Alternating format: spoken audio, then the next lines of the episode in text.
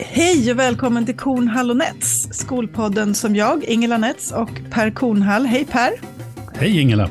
gör i samarbete med Arena Idé. Vi har ju i de senaste avsnitten eh, faktiskt pratat om Skolinspektionen på, ur flera olika perspektiv. Um, Och då ska man väl säga att vi ibland har varit rätt kritiska. Ja, Men nu har vi ett säga. annat perspektiv på någonting där jag Exakt. tycker att det här är, är riktigt, riktigt bra. Verkligen. Skolinspektionens eh, uppdrag kan väl sammanfattas som att det, de ska eh, göra både tillsyn och kvalitetsgranskning i syfte att verka för att alla barn och elever ska få tillgång till en likvärdig utbildning och verksamhet av god kvalitet i en trygg miljö. De ska bidra till goda förutsättningar för barnens utveckling och lärande och förbättrade kunskapsresultat för eleverna. Och så ska man stärka, eh, främja en, en stärkt likvärdighet mellan skolor. Och en del i det här är de tematiska kvalitetsgranskningar som inspe- inspektionen gör. Och idag ska vi alltså inte prata om, utan med Skolinspektionen. Vi har två gäster som alldeles nyss avslutade och skrev en övergripande rapport om en av fjolårets såna här tematiska kvalitetsgranskningar om skolans arbete för kvalitet i undervisningen i moderna språk eller undervisning för kommunikativ förmåga som rapportens underrubrik lyder. Ja, det blev en lång introduktion. Varmt välkomna, eller kanske ska vi säga bienvenue, Anna Wide, undervisningsråd och Arne Hellmark, utredare på Skolinspektionen. Eller herzlich willkommen. Precis. Thank you. Merci, tack. Och det är alltså så att vi har inte bara en gäst utan två i studion idag. Det är jätteroligt. Börja, alltså vi kan väl börja där. Uh, vad- Anna, du är undervisningsråd och Arne, du är utredare. Vad är liksom skillnaden? Beskriv vad ni, vad ni gör. Det är superlätt skillnad. Skillnaden är att jag är anställd före Eh, alltså när Skolverket och Skolinspektionen var ett, då hette det undervisningsråd. Sen när Skolinspektionen blev en egen myndighet så är man utredare och man blir anställd hos oss. Så det är helt enkelt det som är skillnad. Det låter ju fint, men Mm. det är inte så stor skillnad. Okej. Och, och den här utredningen eller granskningen som ni har gjort nu då? Vad, så här, ge oss liksom ramarna. Vad är det ni har tittat på? Vad var syftet? Hur många skolor har ni besökt? Yes. Anna, du kan väl ta lite om vad tematisk kvalitetsgranskning är från första början kanske? Jag tyckte det var jätteroligt att ni sa det att, att det här och presentera att det handlar om tematisk kvalitetsgranskning för att i min värld är det väldigt stor skillnad på de olika processerna vi har inom inspektionen. Och just eh, tematisk kvalitetsgranskning, jag har haft sån himla tur så jag har jobbat nästan bara med det sedan myndigheten startade. Och det är då eh, en process där vi tittar utifrån både såklart författningarna men också kvalitetskriterier som är knutna till forskning och beprövad erfarenhet. Jag brukar beskriva det så att det är som en plog som plöjer en fåra ganska djupt medan eh, tillsynen mer är som en harv som går ganska på, den, den, den eh, tittar ju bredare men ganska mer på ytan, förutom när det gäller juridiken då. Men, eh, så det är det som är tematisk kvalitetsgranskning, att vi sätter upp kvalitetskriterier utifrån forskning, beprövad erfarenhet och författningarna. Och så fick vi detta uppdraget och det tänker jag att du kan berätta lite mer om. Yes. Ja, vi, vi gör ju undersökningar i vår myndighet kring olika typer av eh, tematiska kvalitetsgranskningar. Ibland gör vi det utifrån omvärldsbevakning eller utifrån nya forskningsrön. Och ibland gör vi de här typerna av ämnesgranskningar som moderna språk är. Och det var tio år sedan sist vi gjorde det. Och nu är det 13 år sedan. 2010 gjorde vi en granskning av moderna språk sist gång. Så nu var det så att säga dags igen. Och så aktualiserades ju att det var eh, ny eh, läroplan med nya eh, kommentarsmaterial till, till kursplanen för moderna språk. Men det som man gör då är att vi på myndigheten tar fram ett eh, direktiv, en bakgrund där vi tar upp vad styrdokument, läroplan säger, men också forskning. Och vad är det som forskningen säger om vad som ger kvalitet? Och så riktar man in granskningen. Och den här granskningen är inriktad på just kommunikativ förmåga. Så man kan säga att vi tar en del av skolan, moderna språk, och så tar vi en del av kursplanen i moderna språk, just kommunikativ förmåga. Och den andra frågeställningen som vi har handlar om hur skolor verkar för att elever ska fullfölja studierna. För vi ser att även om det är så att kanske fler, eh, eh högre andel än någonsin läser moderna språk, så är det fortfarande betydande delar av eleverna som hoppar av. Och särskilt så ser man att de hoppar av längs med Eh, när de går i eh, grundskolan. Så det är intressant att undersöka varför sker det. Och då har vi eh, tittat på 34 skolor från Överkalix till Södra Sofialund i Malmö. Och det vi gör när vi besöker skolorna då, det är att vi tittar, vi har lektionsobservationer. Vi gjorde ungefär fyra till sex stycken lektionsobservationer. Vi intervjuar elever som går moderna språk. Vi intervjuar enskilt elever som hoppat av moderna språk eller som inte ens börjar läsa det. Eh, vi intervjuar moderna språklärare och rektor. Och då tittar vi på skolor som har minst två av de tre språken, franska, spanska och tyska. Eh, och det är fokus på just de eh, språken. Man kan läsa andra moderna språk. Eh, man kan läsa kinesiska som det heter, eller mm, italienska, ryska och så vidare. Men det är de här tre som vi har tittat på.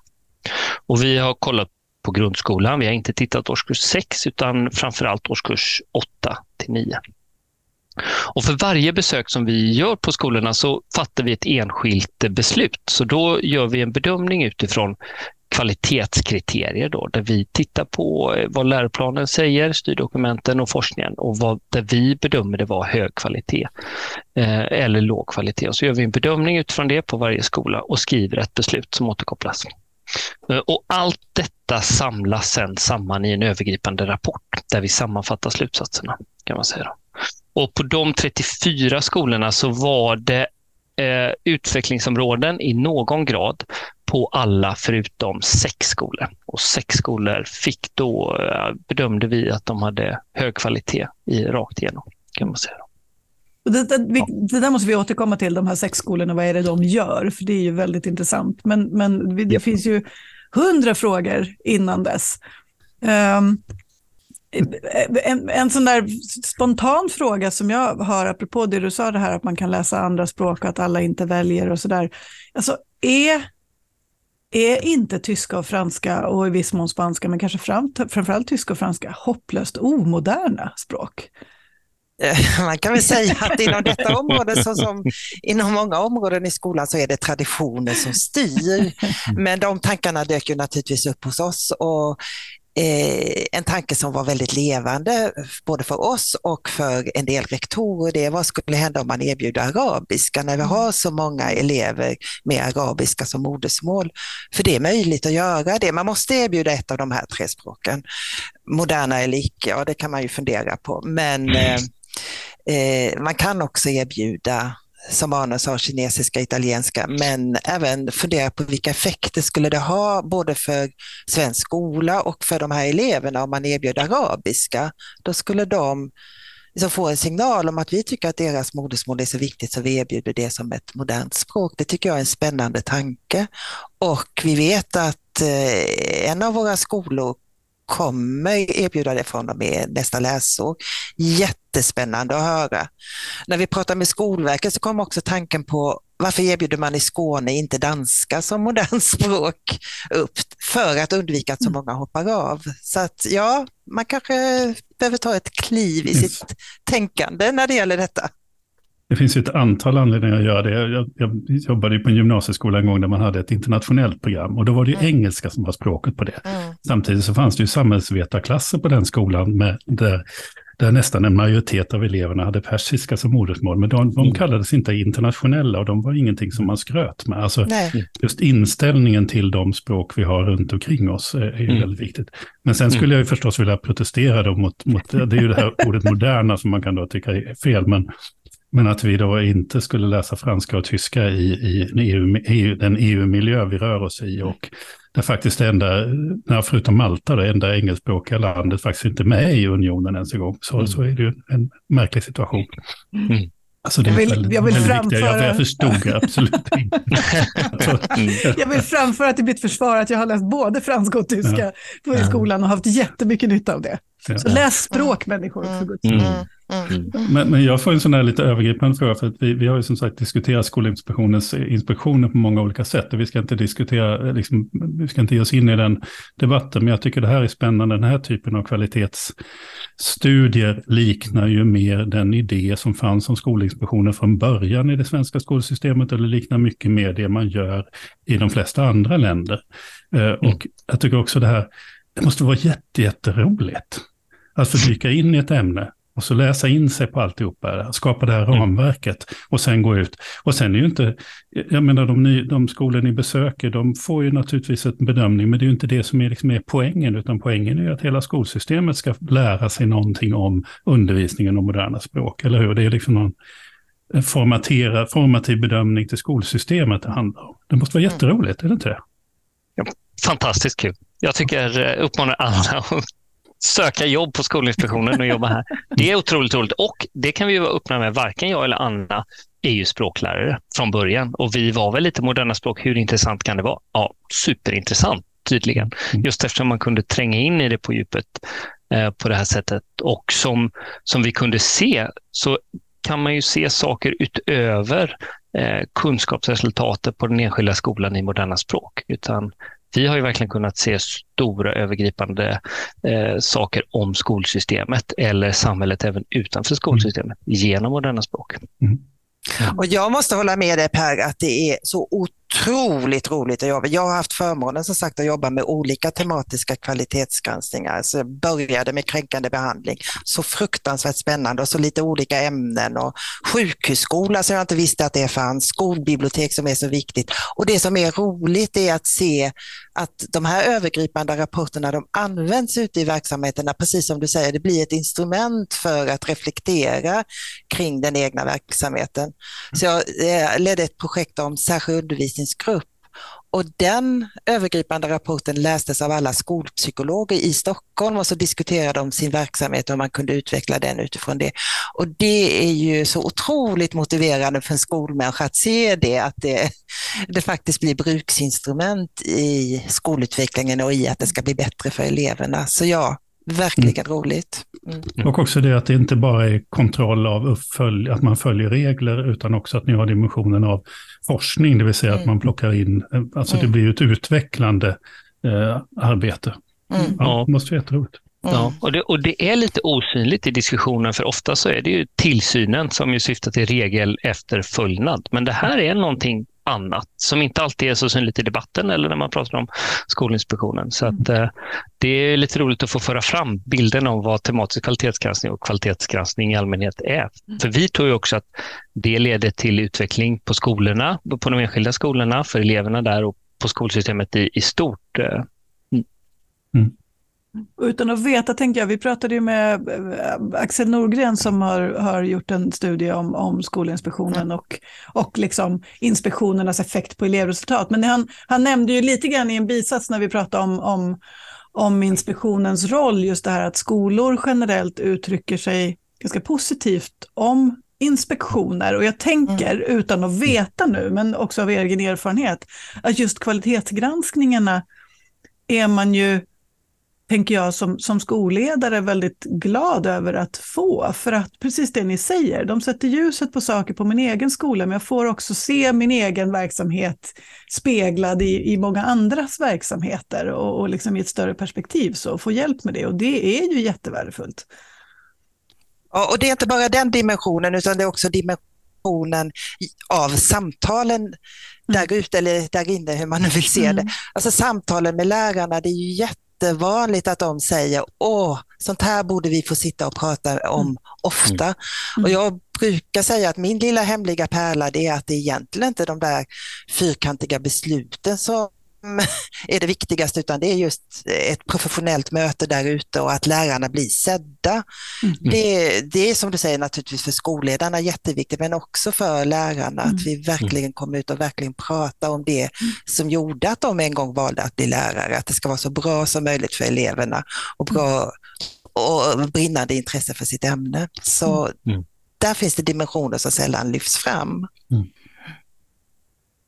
Så när vi pratar om lärarna det, nu då? Förlåt, där skulle jag egentligen vilja ha en jättelång konstpaus. Alltså, så, så, låta det, så förstörde jag det, Låta det sjunka in, för det var ju mm. otroligt klokt sagt. Och det är precis och för återigen, jag är ju, blir ju lite nördig ibland, jag säger det för många gånger i den här podden kanske, men att man då läser Skolkommissionen 1946 så är det den här typen av konsulentverksamhet, alltså besökande samtalspartners eh, som de ser framför sig eh, redan då. Det är det som de upplever vara naturligt.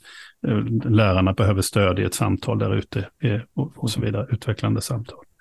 Ja. Och, och det, är, det är ju att man inte behöver bara se alltså behovet av kontroll, eh, det är inte så stort som behovet av, av möjligheten att få utvecklande samtal, om man skulle säga. Mm.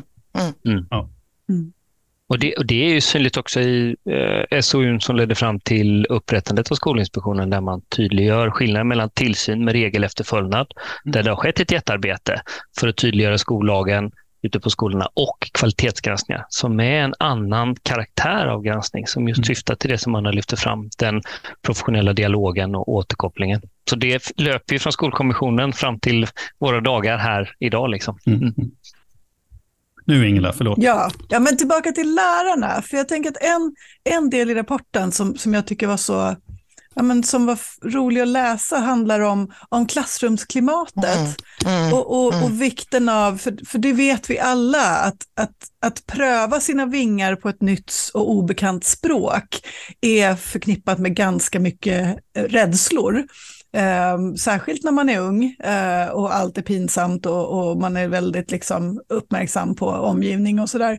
Eh, och språklärare, moderna språklärare, de jobbar ju väldigt ofta med grupper som är sammansatta av elever från flera olika klasser. Bara en sån sak. Vad var det ni såg kopplat till just klassrum, klassrumsklimat och modet att våga pröva, mm. att prata nya språk och så?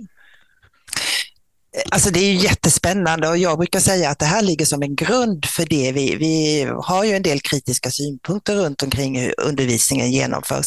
Men den här förmågan att bygga upp ett gott klassrumsklimat såg vi på så otroligt många ställen och det är sällan moderna språklärarna får cred för det utan i vår problembild stod det att det troligtvis är ett icke tillåtande klassrumsklimat och stökigt och så vidare.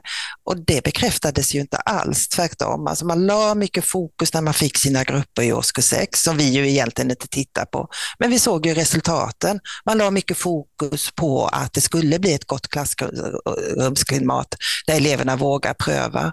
Och det såg vi och vi såg att lärarna var noggranna med att säga att ja, men det gör ingenting att, om det blir fel det viktiga är att man försöker och jag hjälper dig. Vi försöker hitta andra vägar. Så eleverna generellt, det fanns några undantag såklart, fanns det det. men generellt kan man säga att eleverna sa att ja, men det är inte farligt att göra fel och vi vågar pröva oss fram. Och verkligen cred till Sveriges lärare i moderna språk för att de har lyckats med det i så hög utsträckning. Det borde faktiskt tjäna som föredöme för en del andra ämnen, tänker jag. Men en av era liksom övergripande slutsatser är ju att, att undervisningen i moderna språk behandlas på annorlunda sätt än andra ämnen. Det där tycker jag var spännande för att det är ju någonting som jag känner igen från min mm. tid i skolan. Mm. Men jag har aldrig liksom satt fingret på, utan mm. det, det, är bara så att man har levt i en värld och sen så skriver ni helt plötsligt så blir det synligt. Men hur, hur på vilket sätt tänker ni där? Och vi kunde se det på flera olika sätt. Eh, när vi sammanfattade slutsatserna så såg vi att moderna språks särskilda position i svenskt skolsystem eh, speglades i alla våra kvalitetskriterier. Och en, en del som vi såg det var ju att eh, moderna språklärarna hade en solitär tillvaro. Det var så att moderna språklärarna stack ut när det kom till forum för kollegial samverkan. Dels så kunde det vara så, på vissa skolor så eh, kom lärarna in från en annan skola och undervisade. På andra skolor så hade man en begränsad tjänst och på ytterligare några skolor så var man också lärare i svenska och engelska. Och av olika anledningar så ledde detta till att det inte fanns forum för kollegial samverkan och utveckla undervisningen, utan eh, man var ganska själv där. Eh, och en annan del som vi kunde se det i, det var att rektorn of, rektorerna uttryckte ofta att moderna språk är ett ämne, precis som alla andra. Eh, vi gör ingen skillnad på ämnena. Men när vi såg till hur det spelades ut på skolorna i praktiken, det var det ofta så att eh, De kunde få en mindre fördelaktig position i schemaläggningen till exempel. Till lunch eller första lektionen eller sista lektionen på dagen och inte de där bästa eh, passen för eleverna. Eller att man pratade om det som att det var ett ämne som man kunde välja bort. Så att det fanns en kultur på skolorna där det var lite satt på, på undantag. Eh, och sen har det ju med, med valbarheten att göra också i ämnet. Och, eh, och att man kan ta från, från moderna språk för att, att lägga tid på ett profilämne. Det stöter vi på till exempel om man har matteprofil så kan man ta timmar från moderna språk till matte. Men, kan, vi, ehm, kan, vi, mm. kan vi bara definiera det här? För vi, har ju, vi vet att vi har lyssnare som inte är superinsatta i, i liksom grundskolans läroplan. Så. Förklara vad, det här att, att, att moderna språk är valfritt och vad gör man om man inte läser ett modernt språk och vad betyder det för, för eh, liksom betyg och, och meritvärde och, och, och sådär. Hjälp oss att förstå.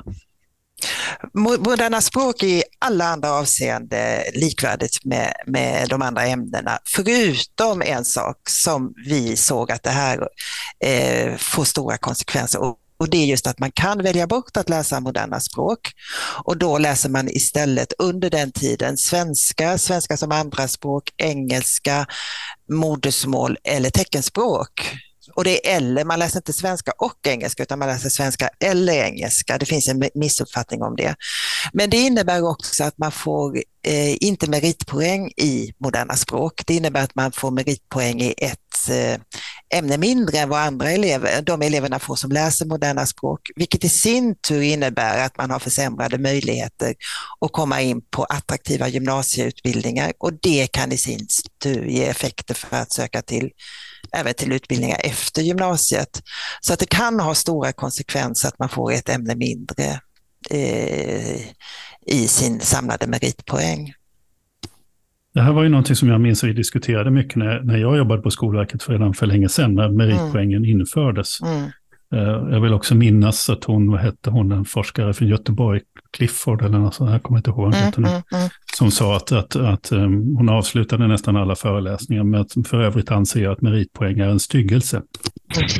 Nej, men, men, men, vad hon försökte peka ut var ju, var ju eh, så det här faktumet att, vi, att staten vill att man ska, staten vill, alltså samhället vill att barn ska, unga ska läsa språk. Mm. Och då premierar man dem genom att ge dem meritpoäng. Mm. Eh, och, men då får man den här typen av effekter, att vissa då inte kommer att få dem. Alltså det blir så. Men, men också att det, det, har varit så otroligt populärt bland politiker. För att det här är en sån där, att införa meritpoäng ger en direkt effekt av att vissa mm. elever väljer, för att man väljer det för att få poängen. Så att säga. Mm, mm, mm. Eh, och, och, och jag, jag, tillsammans vet jag med många av mina kollegor på Skolverket, tyckte att det vore bättre i så fall att man gjorde det obligatoriskt. Mm. För likvärdighetens skull. Eh, för annars mm. vad man gör är att man skapar streaming, eh, man skapar spår i skolsystemet där vissa som vid ett visst tillfälle inte tycker sig vara så skolhågade hamnar på efterkälken i, i konkurrensen så att säga, på grund av val man har gjort. Mm. Ja, det var en lång mm, men, men jag tycker att det spår av det här i er analys. Ja, alltså, den är ju superviktig den tanken för att det slår ju inte lite hur som helst med vilka som inte får de här så avgörande meritpoängen då, utan vi ser ju att det finns ett mönster i att eftersom det är svårt att få stöd i moderna språk i skolan så bygger mycket av studierna på, i moderna språk på att man får stöd hemma och vi ser ju att det här slår de eleverna som inte kan få stöd och hjälp hemma i studierna. Ja, men de Eh, har naturligtvis lättare för att välja bort och läsa ämnet. Och då kommer man tillbaks till skolans kompensatoriska uppdrag. Vi ser att det är de eleverna som inte kan få stöd hemma som väljer bort och får sämre möjlighet att gå vidare till på en del gymnasieutbildningar sedan. Det är viktigt tycker jag att ha med den aspekten också, att det är ofta inte eh, en elev i ett välbärgat område med välutbildade föräldrar som väljer bort, utan det är betydligt vanligare i andra områden. Och det var också en rektor som sa det, att, eh, som jobbar i, i Rinkeby, det är väldigt offentligt, eh, det här förstärker ju bara vårt kompensatoriska uppdrag. Varför ska inte våra elever få de kunskaperna och de meritpoängen som andra elever får?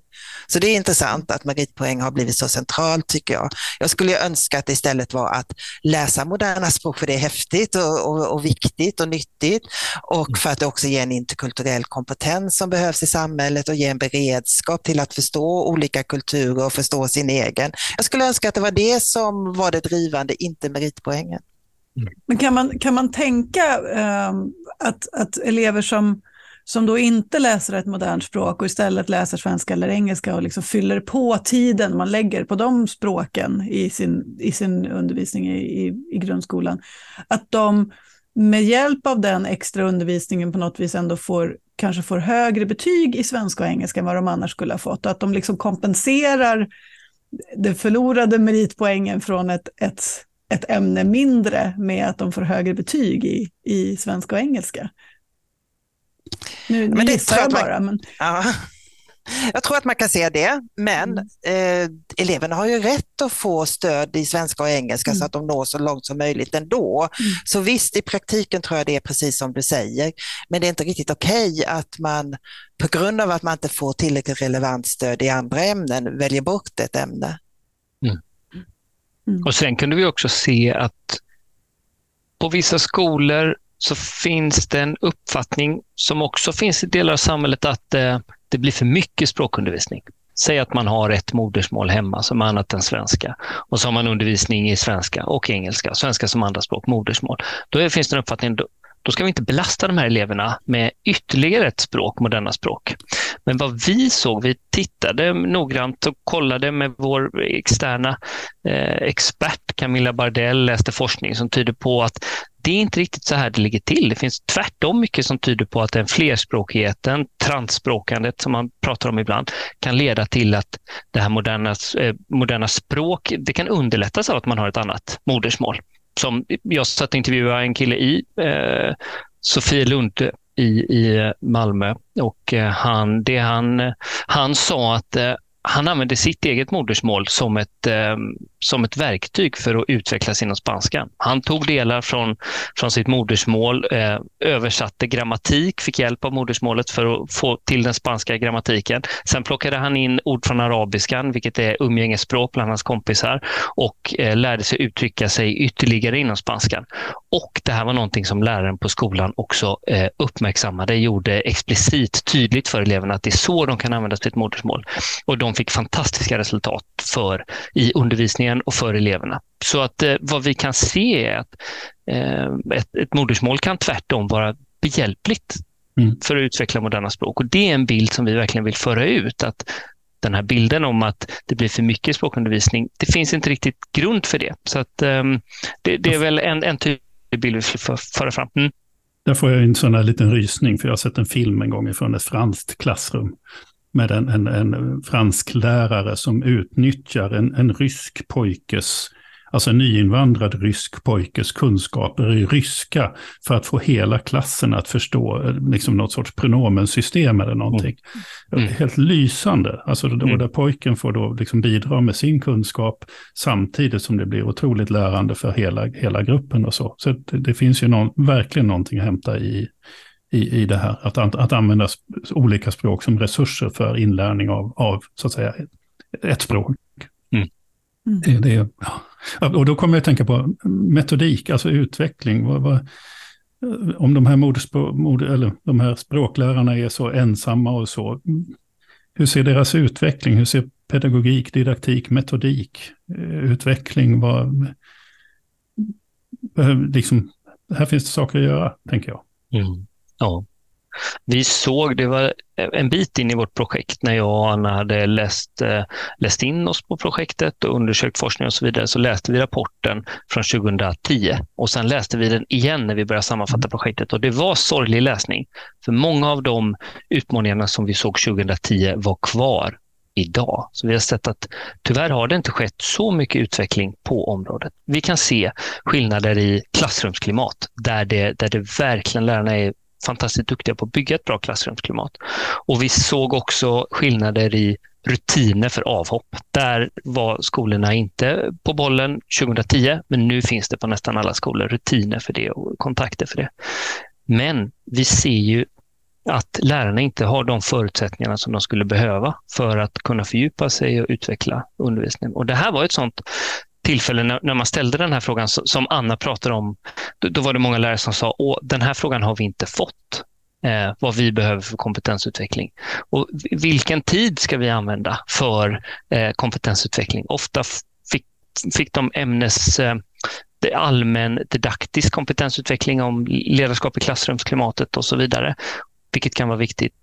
Men vad många moderna språklärare efterfrågar, det är ju ämnesspecifik eh, kompetensutveckling. Alltså ämnesdidaktisk ut, utbildning, fortbildning inom moderna språk och sitt respektive språk. Och det ser vi att det har de inte, det har de inte fått. Det är vanligt att det saknas. Mm. Tyvärr. Fast vi ser ju också att Skolverket har gjort en, en jättebra satsning, satsning i form av Språksprånget som eh, ja, men det är samma idé som Mattelyftet och Läslyftet. Så att man jobbar med kollegialt lärande. Man jobbar kopplat till forskning och beprövad erfarenhet. Och de lärare som hade arbetat med Språksprånget, det var också något som kännetecknade nästan alla de här sex skolorna där vi inte kunde identifiera några utvecklingsområden. Så det finns ju en möjlighet och, språk, och som sagt Skolverket har gjort en fantastisk satsning. Men det var många skolor som inte kände till att den fanns. Den är gratis, den finns, den är klar, men skolorna visste inte att den fanns. Så det tror jag i spåren av vår granskning, eller jag hade önskat att det var fler som eh, anmälde sig till den, för vi gjorde ju reklam för den. Men nu har jag hört att det är inte så många som använder sig av språksprånget, tyvärr. Men eh, den möjligheten finns ju ändå. Det är ju ett helt fält i sig detta att inte lärare faktiskt får den fortbildning man har rätt till i sina avtal. Eh, och en sorgligt faktum då att det då finns moduler på Skolverket att jobba med. Man får väl hoppas att tankar kring professionsprogram och sånt kan leda till en, liksom en förbättring på området. Då. Eh, mm. Och att det, det är liksom en, en, en, konkret komplicerande faktor det här att lärare kanske bara har timmar på flera olika mm. skolor. Mm. Man är, alltså det kanske, i, i, jag tänker i en mindre kommunal huvudman kanske det bara finns en lärare som undervisar i franska mm. mm. och som ambulerar mellan ett par skolor. Och, och det, mm. då är det klart att det är svårt att, att ha kollegialt lärande med sig själv, liksom. Mm. om man tänker kopplat till just, just det... Eh, moderna språk. Så. Men det är det, men det finns ju grannkommuner. Så ja, en av de här skolorna som vi mm. identifierade som väldigt väl fungerande, det är liksom, där finns, som jag brukar säga, skolans skola i mitten av kommunen. Det är den högstadieskolan som finns. Men de hade ju byggt upp samverkan med grannkommuner så att de hade ett kollegialt lärande mm. utifrån det. Mm. Så möjligheten, alltså vi brukar säga att lärarna har inte de förutsättningarna som behövs.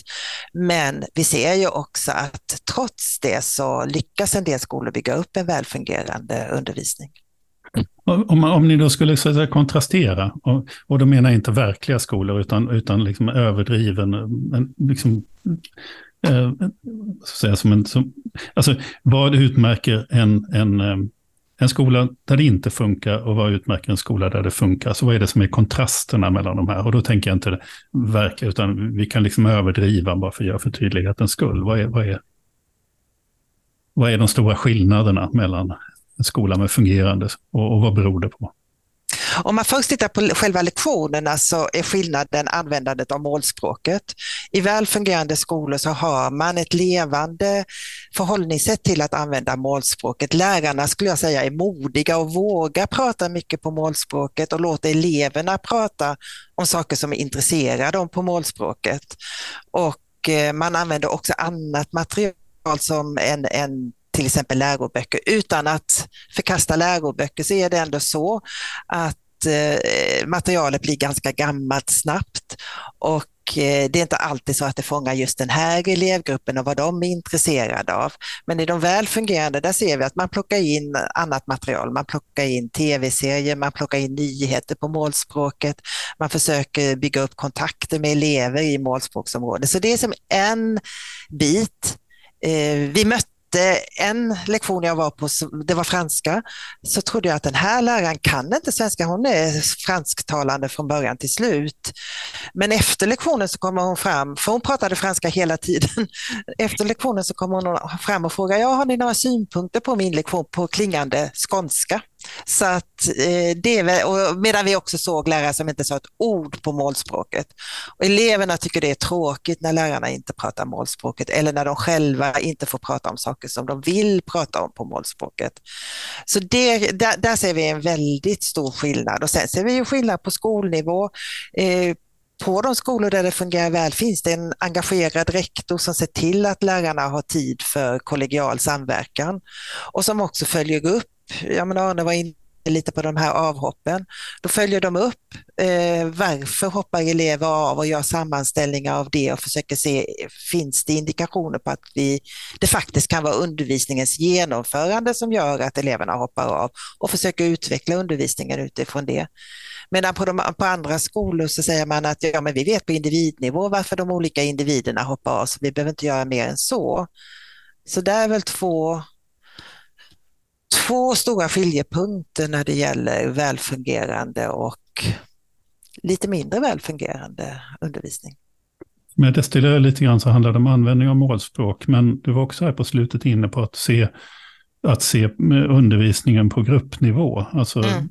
Mm. En, att man identifierat under hur undervisningen är, hur det påverkar en grupp jämfört med att man säger att den eleven, Kalle, mm. är inte intresserad. Mm. Eh, så ja, det är intressant. Mm, mm. Jag, jag, vet att du, eh, Ingela, hade skrivit en, en, fråga om det. Hur mycket av det här beror på lärarnas upplevda trygg, alltså deras kompetens? Kan de själva prata franska så duktigt som den här skånska läraren kunde? Är det det de själva är rädda för att använda målspråket?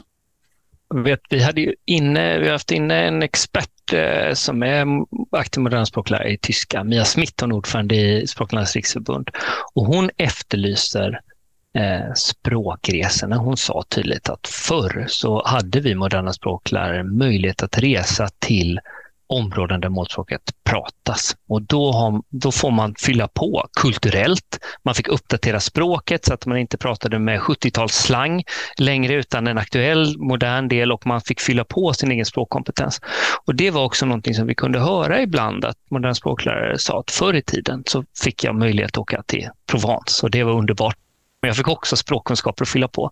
Och på vissa skolor så har lärarna fortfarande möjlighet till det.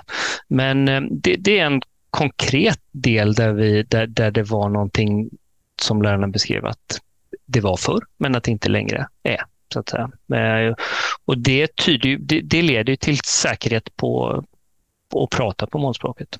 Mm. Och hur är det med behörigheten? Alltså jag tänker generellt, alltså det är ju inte alldeles enkelt att rekrytera behöriga lärare i moderna språk. Eller? Mm. Nej, siffrorna visar att det inte är lätt att rekrytera. Däremot så ingick inte det riktigt i vår Nej. undersökning att ge enkla svar på det. Men en sak som vi kunde fundera på det var ju att Eh, språkundervisningen i hög utsträckning vilar på gamla traditioner, alltså där, där vi säger att vi hittar mycket utvecklingsområde. Där kände jag ju väldigt väl igen mig från många års studier av både franska och tyska på dinosauriernas tid när jag gick i de årskurserna. Och det såg väldigt likt ut. Och, när, och eh, det är en misstanke, fast vi inte riktigt har undersökt, det är ju att det blir ännu lättare för icke behöriga lärare att trilla tillbaka till den undervisningen de själva fick en gång i tiden. Mm. Så det är ett bekymmer, verkligen ett bekymmer. Och det var också så att vi träffade på några enstaka ställen klasser som har blivit hårt drabbade av att de haft obehöriga lärare. De hade inte mm. fått den kunskapen de skulle behöva i språket rent faktiskt. Så det är absolut ett bekymmer. Mm. Men vi har inte undersökt så att vi kan säga generellt att det ser ut så här eller så här. Men vi vet ju det att så är det. Och många av de här språklärarna är ju på väg in i pension så det kommer Exakt. inte bli bättre. Nej. Jag tänkte just säga det, och söktrycket på mm, för att bli eh, lärare i tyska till exempel är ju inte högt på våra Nej. lärarutbildningar, så det är ju ett mm. jätteproblem. Mm. Jag tänkte på det här med språkresor, för egentligen där tycker jag att att man ganska enkelt skulle kunna skramla ihop väldigt mycket pengar till stipendier till, alltså från EU-nivå och sånt. Man är ju oerhört intresserad av i Europa att se till att människor pratar våra språk i Europa. Eh, alltså det här Erasmus plus-programmet och sånt som finns, det är, det är ju, det är ju liksom väldigt, väldigt mycket pengar nu sitter väl ingen av oss i den positionen att vi kan säga till någon att, att både liksom skapa eh, ett stort jäkla stipendiesystem för svenska språklärare. Eh, men, men, men det är verkligen, jag, jag, tror inte det skulle vara svårt om, om den här idén ramlade ner någonstans hos några ministrar och EU-människor att få loss mycket pengar till just detta. För det här är ju någonting man pratar om på EU-nivå oerhört mycket. Ju hur mm. vi ska integreras, hur vi ska få skapa liksom, en, eh, en, europeisk identitet och sånt. Och grunden är ju det att vi förstår varandra när vi pratar. Mm. Mm. Mm. Ja, vi kan inte, jag kan inte ge policyförslag som statlig tjänsteman, nej, nej, men jag exakt. kan ju säga att EU eh, e har ju som mål att eh, varje medborgare i EU ska kunna ett tredje språk, europeiskt språk, utöver sitt modersmål. Och engelska är det ju ofta då.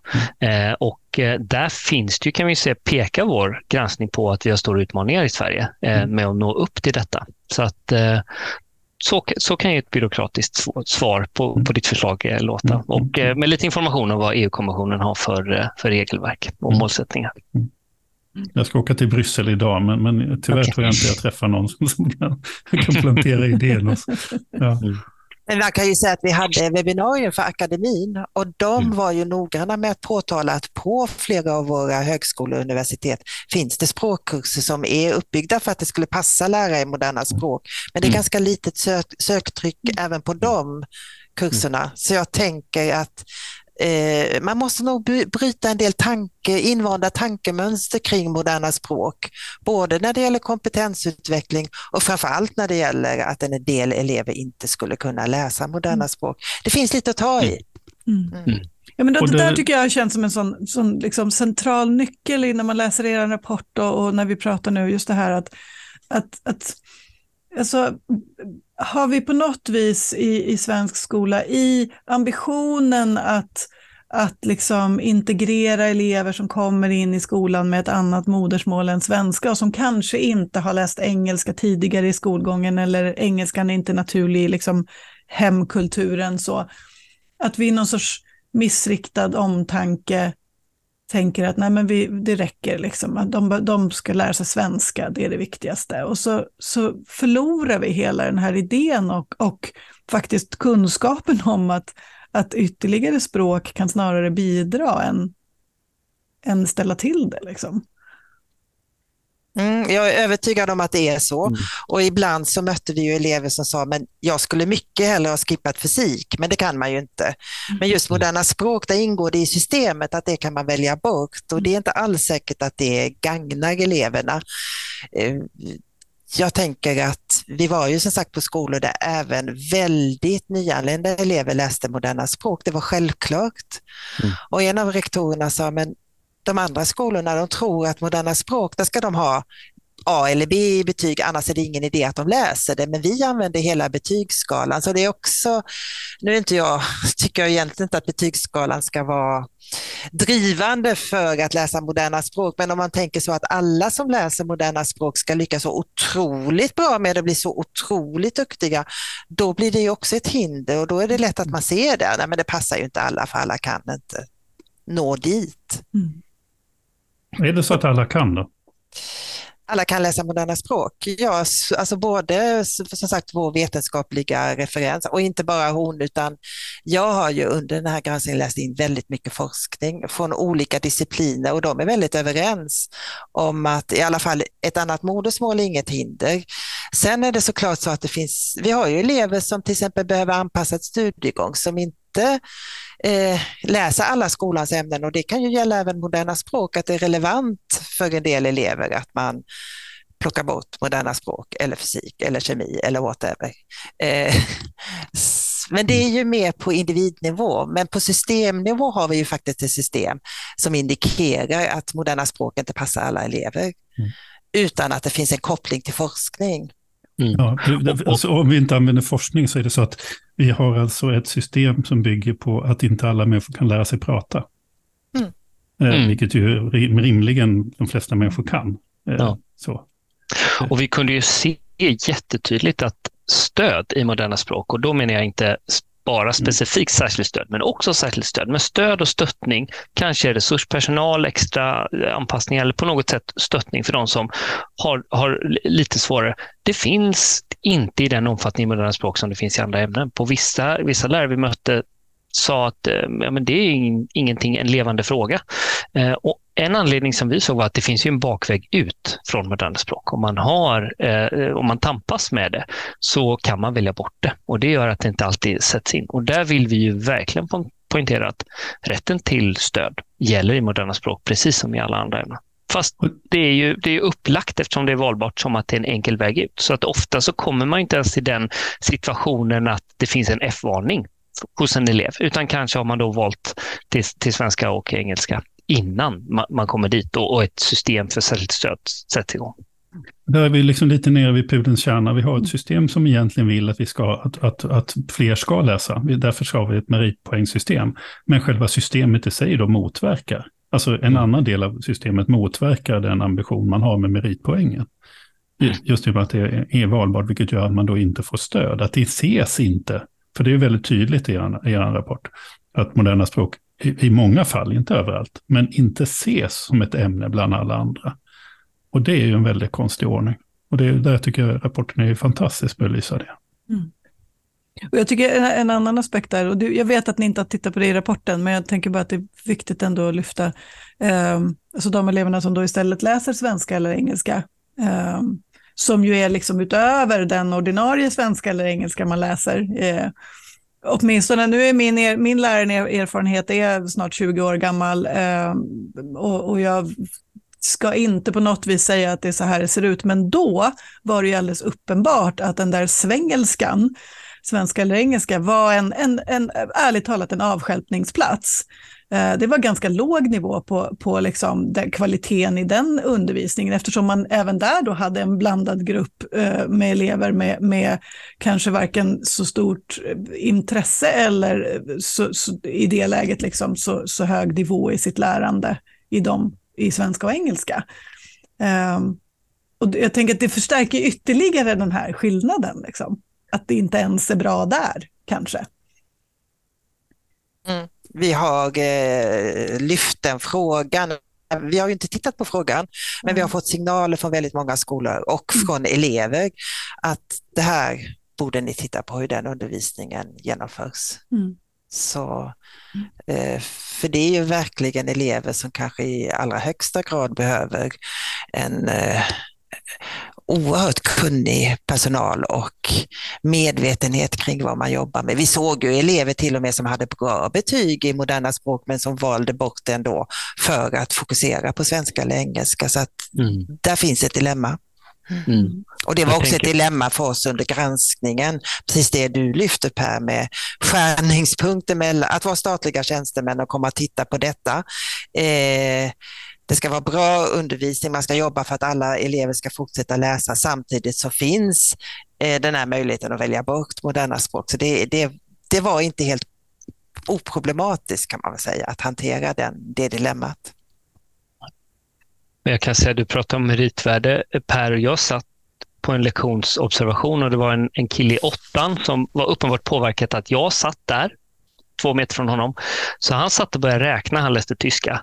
Men jag lägger, och så räknar han upp hur många timmar mm, han la på läxor i tyska varje vecka. Och så har jag det här betyget. Om jag skulle välja bort tyska och lägga den här tiden på att läsa läxor på svenska och engelska istället, eller de andra ämnena, då hade jag kunnat höja mig i de ämnena, vilket motsvarar, så han knäckte liksom meritpoängssystemskoden under tiden jag satt där. Eh, och det var svårt att argumentera emot, han hade ju rätt. Liksom. Eleverna är smarta, de fattar grejen. Så, men, och, och det sätter ju också fingret på någonting som vi vill lyfta upp med den här rapporten och det är ju att det inte bara handlar om att eh, få, få värden för svensk industri. Det är viktigt att man kan tyska, franska och så vidare. Eller meritpoäng för de enskilda e-, eleverna. Utan att det också handlar om att se hela eleven som människa i samhället utifrån ett bildningsideal. Vad är det man får ta del av? Inte bara i språkkunskaper utan i kulturell kompetens när man läser moderna språk. Och vad går man miste om när man väljer bort det? Där är det jättespännande också, tänker jag. Det vet jag att ni inte heller har haft som uppdrag att titta på, men alltså man blir nyfiken på eh, hur många av eleverna som läser ett modernt språk i grundskolan fortsätter att läsa det språket när de går på gymnasiet. För att verkligen liksom kanske komma till en språklig nivå, apropå det här vi pratade om, att det, man måste ju inte liksom lämna grundskolan med ett A i franska, men man har börjat liksom skrapa i språket och om man fortsätter tre år till så är det klart att det gör att man får lite bättre förutsättningar att faktiskt kommunicera på språket. Men det, jag, jag, vet inte om den statistiken ens finns. Det är väldigt spännande att, att fundera på i alla fall tycker jag. Jag tycker det är viktigt att poängtera det här Arne lyfte, att det handlar ju inte bara om språkkompetensen utan i studierna i moderna mm. språk ingår det här med den interkulturella kompetensen, kritiskt granska eh, kulturella yttringar i målspråksområdet men också kritiskt granska yttringar i, i eh, det område där de bor nu, då, Sverige, eftersom det är Sverige, svensk skola vi tittar på. Och jag tänker att de här eleverna som väljer bort eh, moderna språk, vi tänker lätt bara på att de förlorar kompetensen i språk eller att de förlorar meritpoäng. Men det handlar ju också om något mer. Det handlar om just den här interkulturella kompetensen och kanske de eleverna skulle behöva det jättemycket, att man kritiskt granskar och jämför och kritiskt tittar på den, de kulturella yttringar de lever i nu. Men det tappar vi och det, ja, men det tänker jag har väl bäring också uppåt gymnasiet. Hur, för språkstudierna där är ju en fortsättning på det i grundskolan så att det känns jättetråkigt att man tappar bort den aspekten. Mm. Mm. Man kan ju föra samma resonemang kring också estetiska ämnen. Alltså, mm. Vi har inte, det är massa saker vi ska göra i skolan som, som inte har ett dugg med att göra med vår konkurrenskraft eh, och så vidare, utan det handlar också om att vi vill ha ett bra samhälle, vi vill ha mm. människor som kan prata med varandra, som kan uttrycka, som kan förstå eh, alla kulturella artefakter vi har omgett oss med och så vidare, eh, vara en del av den, den kultur och den mänsklighet vi har byggt upp. Och det är ju jätte, jätteviktigt. Och där är ju språk naturligtvis jätteviktigt. Jag tänker att många språklärare ska bli... Jag, ska, jag hoppas att många språklärare läser er rapport. För jag tycker att det borde ge dem lite sådär, mm, nu ska vi sträcka på oss här som mm. språklärare och se till att kräva att vi får lite bättre förutsättningar att göra det viktiga jobb vi gör. För det handlar ju både om att, att rektorer ska få syn på det här, att huvudmän ska få syn på det här, att kommuner måste samarbeta om de är små. Det gäller också små fristående huvudmän och så vidare. Man måste ju skapa en struktur där de här lärarna kan jobba. Men det bygger ju naturligtvis till del också på att de här lärarna vågar ta plats. Eller kan ta mm. plats. Så. Ja. Vi har ju haft lite samtal med språklärare, eller många samtal och jag tycker det är jätteviktigt att För de frågar, ja men vad kan vi göra då? Det är som det är. Nej, men ni kanske måste våga vara lite kaxiga och liksom stå på er med och hävda ert ämne, inte bara finna er i att det är som det är. Och det är ju det du säger Per.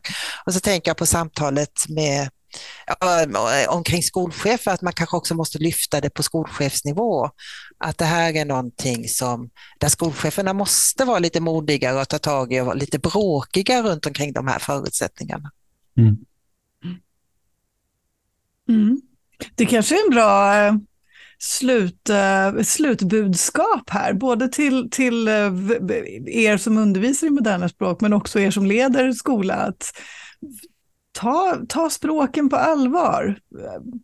Inse att de, de har samma status som övriga ämnen i skolan och att de behöver också ha förutsättningarna då.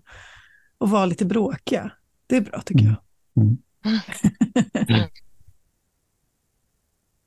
Är det någonting vi inte har pratat om som ni känner att men det här vill vi också få sagt kopplat till, till, eh, till det arbete ni har gjort?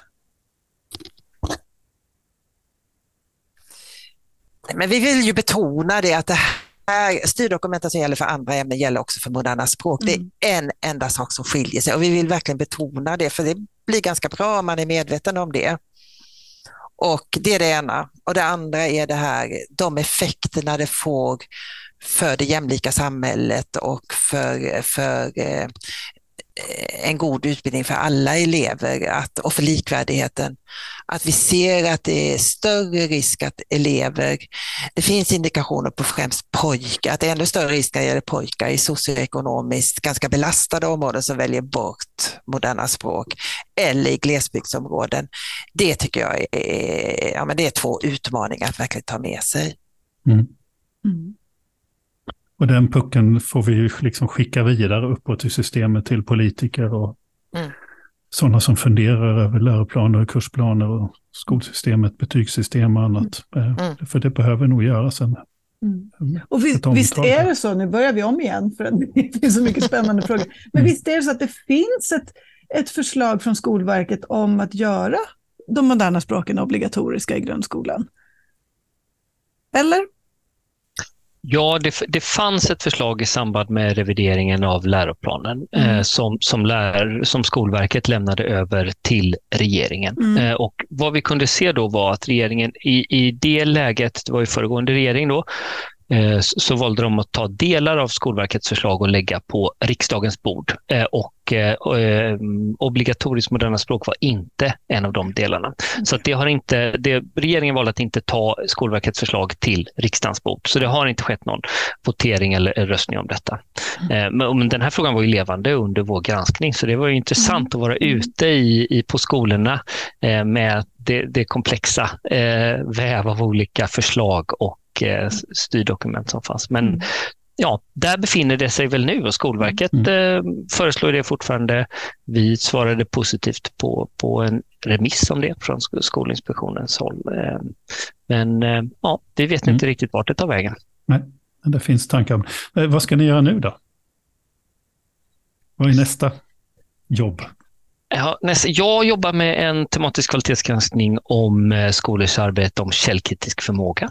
Också en eh, aktuell och eh, komplex fråga som vi mm. kanske får möjlighet att återkomma till. Men den håller jag på att rigga just nu. Vi ska ut och besöka skolor i vår och i höst. Mm. Så kommer en rapport i, eh, under våren 2024. Mm. Mm. Och Anna då? Men jag har ett litet finger med där. Jag har ett litet finger med i ett projekt som tittar på inkludering. Jag har ju tidigare lett ett projekt om, som jag sa, en särskild undervisningsgrupp som handlar om inkludering. Och sen så, det blir alltid mycket ringar när man har eh, lett projekt och skrivit övergripande rapporter så är det en massa utåtriktade insatser som denna, men också eh, ja, men att vara ute och prata om, om eh, de olika granskningarna. Så just nu pratar jag en del om inkludering i olika kommuner och sen är jag med i diverse nätverk, bland annat kring skolbibliotek som jag tycker är en jätteviktig fråga. Mm. Eh, så just nu leder jag inget projekt och kommer inte göra det detta året, utan mm. vila lite på gamla lagar och göra sånt som jag tycker är superintressant att prata om. Management by walking around är det någon mm. som har sagt någon gång. Jag tänker att det handlar mycket om det här att, ja. att få röra sig mellan liksom, och, och, och, och, ta med sig goda exempel och, och koppla mm. ihop Mm. mm. Säga kloka saker. Mm. Just det här goda samtalet jag pratade om förut, jag tror ju på det. Jag tror mm. jättemycket på det, så jag är glad när jag får komma ut och prata med lärare, rektorer. Mm. Och vi är glada att vi har fått er, ha er här. Mm. Verkligen, otroligt roligt och jättespännande att få liksom dyka ner i någonting ganska, eller väldigt konkret och lite så här avgränsat som, som just moderna språkundervisningen så i grundskolan.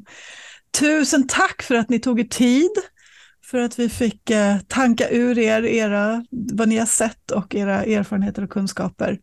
Eh, så får vi se när vi hörs igen. Mm. Mm. Tack Anna tack Wide och Arne Henmark från Skolinspektionen. Ha det tack, så tack. bra. Tack. Hej. Hej då. Hej.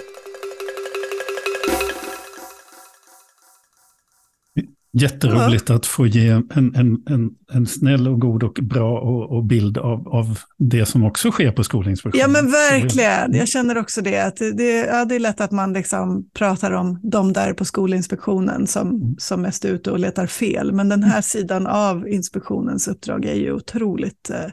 både viktig och väldigt liksom, konstruktiv på ett, ett positivt sätt. Så. Mm.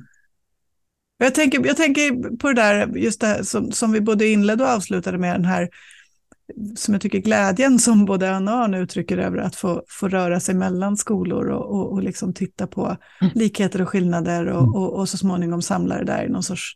Det, alltså det finns ju rätt mycket forskning som pekar på just det här värdet av att bygga horisontella sammanhang eh, i skola och ja. skolutveckling. Och det är precis det de gör här. De liksom, mm kopplar Därför jobbar man på en skola ser man ju bara den och det blir- definierar ju ens verklighet. Det behövs Ja. mm, Ja. människor som har som jobb att flytta sig mellan Ja. skolor och, Ja. och jäm, titta och jämföra och fundera. Precis. Och, och det här som hon sa också, som jag tycker är, väldigt, väldigt typiskt, när man tittar in på ett sånt här litet område, Mm.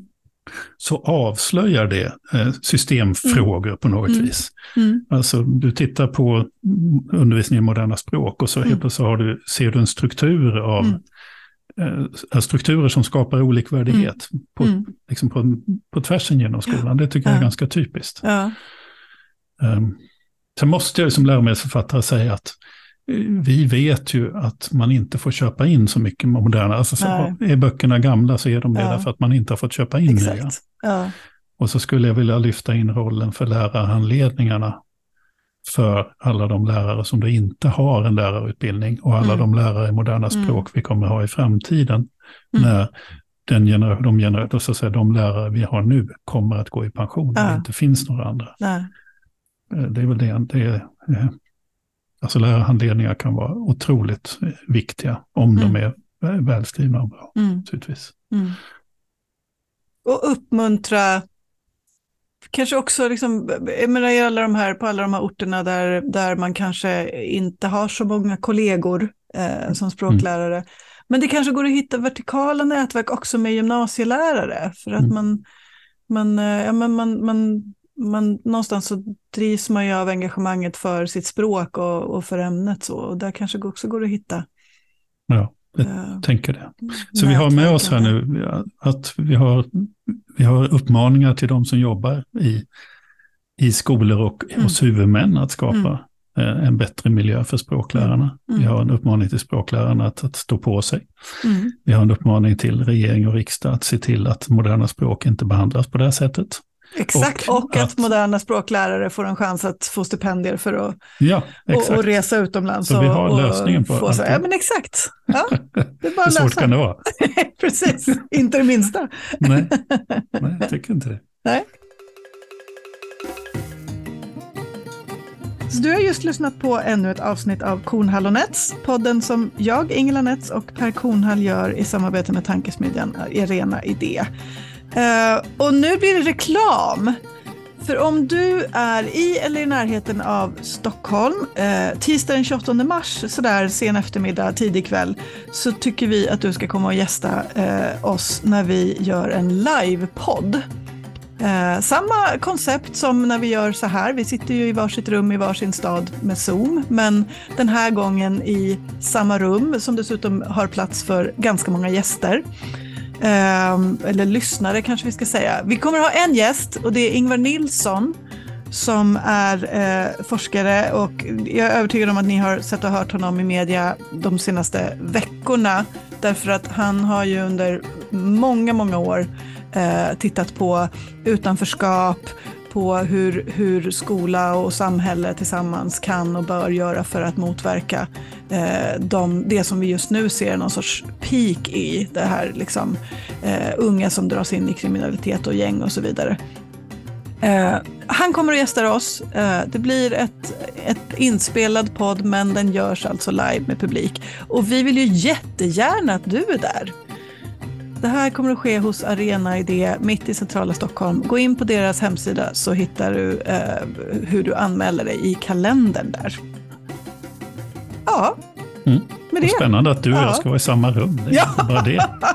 För första gången på typ tre år. Det är Ja. fantastiskt. Ja, Ja. härligt. Men eh, vi hörs snart igen. Det gör vi. Ja, ha det så bra.